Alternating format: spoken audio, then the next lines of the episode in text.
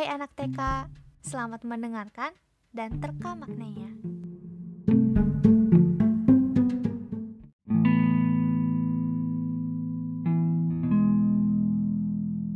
Dari mata turun menjadi kata, kata yang diucapkan di dalam dada, ucapan yang tak seharusnya diucapkan, karena pasti akan menyakiti hati yang lain.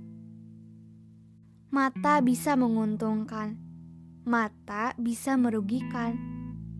Mata tak selamanya menyadari, mata kadang tak menimbulkan kerendahan hati tiap detik tak lepas dari penglihatan, kecuali menutup mata dan tertidur.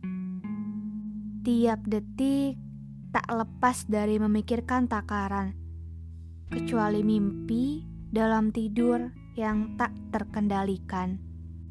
Setiap berjalan, kita melihat, setiap bermain, kita melihat, melihat apa yang seharusnya tak perlu dicaci melihat apa yang seharusnya menyadarkan diri sendiri.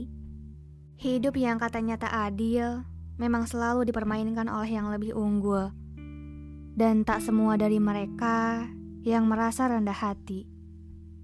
Tiap manusia punya keunggulan, unggul dalam harta, kepintaran, paras, pencapaian. Hanya karena itu, Kadang mata kehilangan kesadarannya. Melihat orang-orang yang ditemui seakan-akan lebih rendah. Apabila diri ini dan dirimu pernah, bahkan sedang merasa angkuh melihat orang-orang seakan-akan lebih rendah, sedikit apa pun, walau setitik, itu dosa. Semoga takkan sombong lagi hanya karena lebih kaya daripada si miskin. Semoga takkan sombong lagi hanya karena lebih pintar daripada si bebal. Semoga takkan sombong lagi hanya karena lebih bergaya, lebih cantik, lebih tampan, lebih keren, lebih gaul, lebih kece, lebih sukses, lebih kuat, Semoga takkan sombong lagi hanya karena pernah merasa lebih baik daripada si jahat, si nakal, si brutal, si tukang pembuat maksiat, si pelanggar aturan agama, si kafir. Imam Al-Ghazali pernah menasehatkan dan semoga kita bisa menganggap bahwa Orang bodoh lebih mulia daripada kita karena mereka melakukan dosa dalam kebodohan, sedangkan kita melakukan dosa dalam keadaan mengetahui.